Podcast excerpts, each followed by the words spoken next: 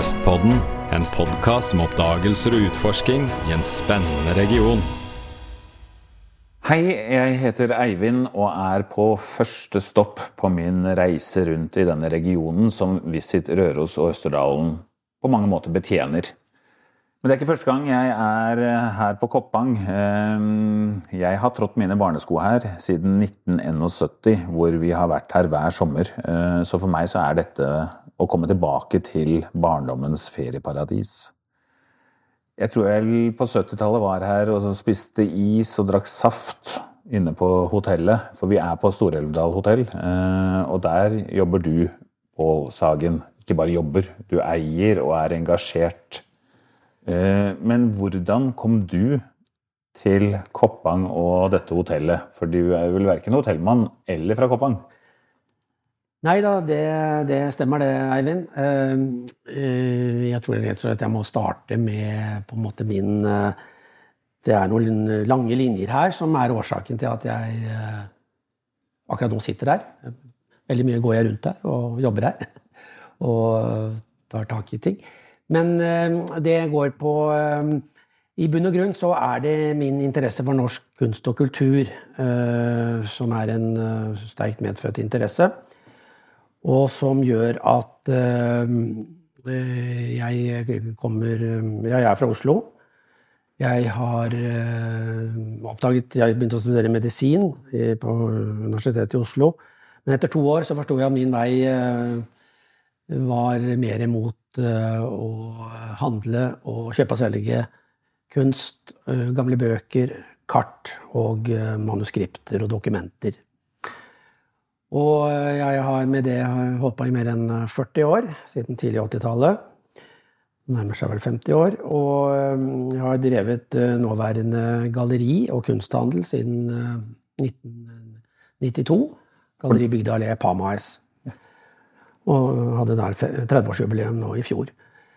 Og eh, det har eh, den, eh, ved, siden av å handle med, med, med, disse tingene, så har jeg også vært privat samler i veldig, veldig mange år. Og det er liksom den norske kulturarven, oppbyggingen av det norske samfunn, som har appellert til meg. Og jeg har på en måte sett noen muligheter i det å samle som ingen andre der og da har sett. Så det har gjort meg mulig å, å samle på, på, på, mye innenfor dette her som i dag fremstår veldig unikt. Det har vært en person som har på en måte eh, gått inn i, et, i noe felt som har vært veldig spesielle. Mm. Ja, for du har jo fylt både denne stua Denne her er fra 1700-tallet. Eh, eller 1700, mm. faktisk. Mm. fredet bygning. Visstnok vært fredet i 100 år. Det stemmer. Og så har du jo mange andre gamle ja. bygninger her på Tune, ja. sammen med hotellet ditt. Ja. Eh, jeg har jo møtt deg før, eh, og jeg er jo imponert over hva du liksom Du har jo en interesse for så mye. Eh, det er jo ikke bare interiør, det er ikke bare gamle hus, men du har jo noe som egentlig vel Eidsvoll-samlingen kunne ønske at du ja. at de hadde. For du er vel egentlig, egentlig Du har kanskje innholdet til Eidsvoll-bygningen, du? Ja, det, det, har jeg faktisk lov å si. Og det, det bringer meg inn på at uh, hvorfor jeg eh, er her på Koppang, så er jo det verdt en at jeg um, kjøper dette hotellanlegget i, i 20 Jeg har jo nå vært her i ni år. Og det som da kom over meg, var rett og slett en visjon om at gjennom eh, det daværende Koppangtunet, nå Storelvdal hotell, så kunne jeg skape noe som skal gi en opplevelse til eh, mennesker rundt oss, men eh, også ikke minst meg selv. Skape noe helt unikt. Og noe av det jeg nevnte i sted med, med, det jeg har samlet på, så er det veldig mye rundt hvordan Norge ble til etter å ha vært mange hundre år, som vi historikerne ofte kaller et lydrike under Danmark så får vi 1814 mer eller mindre over natten, av storpolitiske årsaker, så får vi mulighet til å konstruere vår egen grunnlov. Og det må og da umiddelbart må mange menn samles. Det var noen menn det var den gangen, mm. på Eidsvoll. Det var nå bare to-tre dager siden, hvor, man skal tilbake til 1814, hvor de samlet sammen. Og 17. mai kunne da altså underskrive den første grunnloven. Og jeg har satt av Dette hotellanlegget består jo av elleve bygninger. Det er to nye, nyere bygg fra 70-tallet. Så er det ni fredede og vernede bygninger fra 1700-tallet og frem til ca. 1850. Og vi sitter, som du sa, nå i den bygningen som er fredet, og det er 100 år siden fredningen skjedde på et nasjonalt eh, plan i 1923. Så eh, har jeg satt av to av bygningene til eh, museum og et museumsbibliotek. Og det er da fylt med unike og spesielle gjenstander. Og den store stoltheten ved å ha gjort det, er på en måte ikke det som er fylt opp der, men det er at hvert objekt et, er et kjede i fortellingen om hvordan Norge ble til. Så tar du bort et objekt, så, så mister du liksom litt av leddet. Og øh, her på Storudal hotell så er det vel i dag utvilsomt det eneste stedet man kan komme. Uh, det er jo gjerne greit å gjøre en avtale med meg. Og det å bare å åpne opp og ha folk ukontrollert inn, det, det skjønner jo alle. Og, men det er også noe av kjernen til spenningen om hvorfor man bør komme til Storedal hotell. Fordi man får da også en personlig reise, personlig uh, formidling som uh, Andre får kanskje si det litt dypere, men, men uh, den, er, den, den, er, spesiell. Mm. Fordi, som jeg sier, jeg har født dette barnet, og kan da fortelle best om det. Og eh, jeg har eh, veldig god forbindelse med, naturlig nok nesten, med Eidsvoll. Og eh, direktør Bård Frydenlund der, og vi har snakket mye sammen om hvordan vi kan få til et, et samarbeid rundt formidling mellom Eidsvoll og her. Det er som jeg sier ganske flåsete, at det er liksom et par muligheter. Det er enten å flytte Eidsvollbygningen til Koppang. Det går jeg ut ifra blir en krevende øvelse. Det er sikkert også krevende å få flyttet uh, mitt museum og innholdet ned til Eidsvoll. Men kanskje gjøre noe midt imellom. Og at man beholder de stedene som er, men, men uh, har et uh, tett og godt samarbeid. Og jeg er også veldig stolt av at mitt Norsk kultursenter Man kanskje nevner fort at det er, er da driftsparaplyen rundt kulturdriften her på Storebdal hotell. Da. Og det er da blitt medlem av samarbeidsavtale med Anno museum på Elverum. Ja. Hvordan startet denne interessen uh, hos deg? Ja, det, det, det, er faktisk ganske interessant å komme inn på. For det er på en måte den som gjør at jeg sitter her på Storedal hotell. Og jeg har ikke annen forklaring at det går på at den er sterkt medfødt. Jeg har noen, noen sterke minner fra min barndom og tidlig ungdom som er, tror jeg er litt spesielle. Eh, det ene er at jeg finner en bok på vårt gamle loft eh, på Ullevål, hvor jeg har mitt barndomshjem. Og en, i ettertid var det en slitt bok av Jonas Lie fra 1887, 'Et samliv'. Jeg hadde jo hørt om Jonas Lie på skolen og, og trodde jo jeg hadde funnet, eller følte at jeg hadde en kulturskatt i meg. Jeg har også et minne om at jeg kommer hjem fra Denne gangen så gikk vi på obligatorisk to ganger i året på Nasjonalgalleriet. Og da er jeg ti år, tror jeg, og kommer hjem og sitter ved middagsbordet og, og, og legger ut for familien um, om Johan Christian Dahl og Tidemann og Gude. Og de satt jo og klødde seg på hodet, mine foreldre. Hva, hva, er det som er i den gutten? Og jeg fortalte inngående hvordan noen maleriene så ut. Så um, jeg begynte å, med mynter når jeg var ti år gammel, å kjøpe og selge. Og der er også kjernen til at jeg uh, sluttet medisinstudiet. For når du lar en ungdom begynne å se at det går an å tjene penger mm. på, på, en hobby, så, så, utviklet det seg. Men jeg har jo også hørt um, deg fortelle at uh, det er litt takket være moren din at uh, du oppdaget Koppang og kanskje Østerdalen? Ja, det, det, er det definitivt. Det er uh, en sterk årsak til at historien rundt meg ble som, har blitt som det har blitt. Og det er at min mor eh, med, med far og søster var oppe i Hodalen. Det er øst for eh, Tolga. Lenger nord i Østerdalen her. Og det var to påsker i 39 før. Eh, og så kommer Det var da akkurat når de kom tilbake til Oslo, så bryter krig, krigen løs i Norge. Og det blir da brudd i turene opp til Østerdalen. Men min mor hun er kanskje litt sånn skrudd sammen som meg med at ting brenner seg fast. Hun var helt besatt av å komme seg tilbake til Østerdalen og få, få en mulighet til å få et ankerfeste der oppe. Og øh, dessverre så min, min, far var fra Bergen.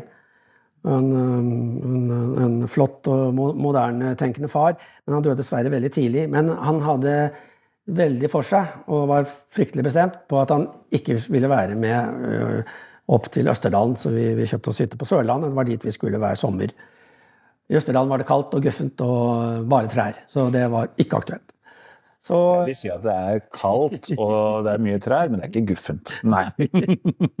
Nei, men min far var urokkelig på det punktet, og, så det, det, er jo i ettertid veldig, veldig interessant, egentlig. Men det er faktisk liksom noe i det som vi i dag fortsatt må, må Vi er i et litt sånn uoppdaget område. Det syns jeg er veldig spennende. Jeg føler at jeg kan gjøre en innsats for å få snudd få folk, flere folk til å komme. Ja, og hva opplever gjestene dine eh, som kommer til Koppang? Eh, ja, de opplever jo det du har av bygningsmasse og eh, det du har samlet. men er det andre ting i naturen, området, ja. Eh, de kommer i eller har med seg hjem? da? Mm. Det vil si, mer og mer er jo at folk nå begynner å finne oss. Og den kulturbiten min som du er inne på, den er jo sterk. Eh, en årsak til av flere. Så blir slik anlegget nå har utviklet, og slik som det drives, så har det fått en veldig fin sånn hva vi synes, Folk oppfatter det som veldig koselig og det tror jeg er noe litt forenlig med på en måte totaliteten med at de kommer til et område som også blir ansett som koselig. Det er mulighetenes sted. Det er eh, urørt natur. Det er, eh, vi hadde jo VM og EM for, eh, VM for damer og EM i, i, fluefiske her i fjor, i juli i 2022. Og dette uh, vekket jo også øynene opp av mange hvilke fantastiske naturmuligheter vi har her. Og uh, med utgangspunkt i et uh, Koppang sentrum, som faktisk er et, et, lite sentrum med litt bystruktur. Mm. Så her har vi alt av butikker. Så kan man med kort avstand komme seg ut i de utroligste flotte områdene og, og, og fiske- og jaktmuligheter. Så jeg tror den kombinasjonen der med at hotellet fremstår som et kunst- og kultursted koblet til naturopplevelser og, og fiske-jaktmuligheter, og den koselighetsfaktoren, så tror jeg det er vår styrke. Kan absolutt skrive under på det. Og jeg har jo selv vokst opp med foreldre som satte så pris på å komme hit hver sommer. og Moren min var ikke på fluefiske, men hun knøt på marken. Og hun hadde vel nesten sånn dobbeltknute på den også, men eh, sto ute og fisket. Og det er utrolig mye urørt natur. Ja. Og det tror jeg er en luksus i dagens digitale ja. samfunn som eh, flere og flere kommer til å oppleve ja. i vår region. Men eh, hvem er det som kommer? Hvem er den typiske gjesten din på hotellet? Ja, det mm, er jo selvfølgelig en, en, en, nær sagt en slags tverrsnitt av den norske reisende befolkning. Én ting er jo den rent at vi er et nødvendig sted i regionen.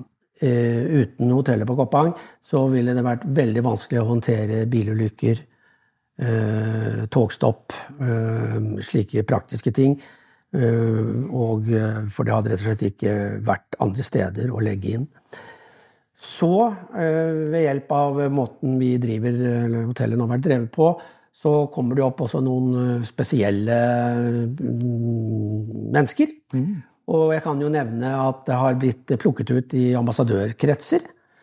Og er, jeg vet at det jobbes nå med et større mm, konsept med at ambassadørmiljøet i Oslo vil som en gruppe komme oppover. Noe av grunnen til det er eh, faktisk Bjørnstjerne Bjørnson. Og eh, den eh, Bjørnstjerne Bjørnsons virke i Storedal i sin tid er av faktisk stor betydning. Han ga en boksamling til, til Stor-Elvdal eh, kommune i 1890-årene. Og den samlingen har jeg nå deponert på mitt museum. Og Bjørnstjerne Bjørnson er i Mellom-Europa og Øst-Europa en stor helt, for han var veldig engasjert i frihetskamper. Så dette gjør at um, jeg, har hatt besøk av både Slovakia, Tsjekkia og Romania. Og igjen er det at de kommer til et sted hvor de, hvor de føler Ingen skal påstå at eller, vi, vi, er ikke noe Marriott-hotell, altså noe stor luksus. Men her er det, med dette med hyggen og kosen, det, det, er jo veldig morsomt for meg å se at den slår an også hos sånne. Jeg må jo si at uh, som hotellmenneske selv, uh, så er det jo når du er ekte engasjert i noe og liker det du gjør, så får du jo den kosen og den hyggen ut til gjestene. Så um, jeg må si jeg opplever alltid noe nytt her hos deg, og det er jo ja, det er det jeg liker også. Men er det noe spesielt? Har du et objekt her på huset uh, eller i museet som du er spesielt stolt av? Ja, nå er vi snart på 17. mai.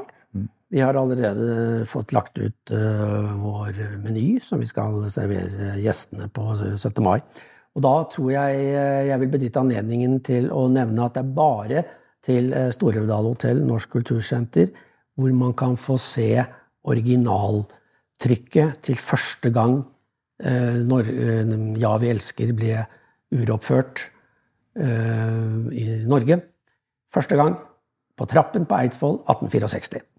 Det ble eh, trykt 24 eksemplarer. Eh, det fins 1,5 eksemplarer på Nasjonalbiblioteket som man aldri får sett. Det ligger eh, dypt nede i bunkersen. Men på Koppang, i museet så kan man få se den eneste versjonen som da forefinnes i original, her. Og den tar jeg frem hver 17. mai når jeg er her oppe. og og vi synger um, nasjonalsangen i kafeen. Og da stå med originalen, det, det er ingenting som slår. så når jeg blir spurt om det i dag Jeg kunne trukket frem veldig mye annet innenfor kunsten, men jeg vil nevne det, ja. den sangen. Morsomt. Har du noen drømmer for dette stedet fremover? Ja, det har jeg absolutt. Jeg, jeg håper at jeg får muligheten til å få dette hotellet opp og gå, så det blir eh, nær sagt økonomisk selvgående og bærekraftig. Å, jeg vet at jeg tok på meg en eh, stor oppgave. Jeg nevnte alle disse byggene og alle takene å ta seg av. Så det, det bør generere litt overskudd og pløyes inn i driften. Og så er det at eh, jeg er på god vei nå med et fantastisk mannskap. Og at jeg på den måten kan uh, mer og mer konsentrere meg om kulturbiten og være kulturformidler. For det er liksom på en måte noe jeg mener jeg kan holde på til jeg er 90 år. Og vel så det hvis jeg bare får beholde helsa. Veldig så det, det, er visjonene mine, egentlig. Og, og jeg setter veldig pris på, på å være her på Koppang og være delaktig i uh, samfunnet. Og uh, jeg ser jo også at lokalbefolkningen er jo veldig blir jo veldig begeistret når det kommer opp eh, både kjente mennesker og, eh, og, grupper. Så sammen så skal vi få dette til. Og jeg vil gjerne bare få anbefale et stopp på Koppang. Eh, for ja, det ligger jo midt mellom Oslo og midt Røros på mange måter. Og ja, jeg må si at det å kunne ta en benpause, matpause her hos deg også overnatte. Eh, så håper jeg at du og ditt arbeid faktisk bringer Koppang litt frem i lyset, som det fortjener. Så velkommen til Koppang, sier jeg.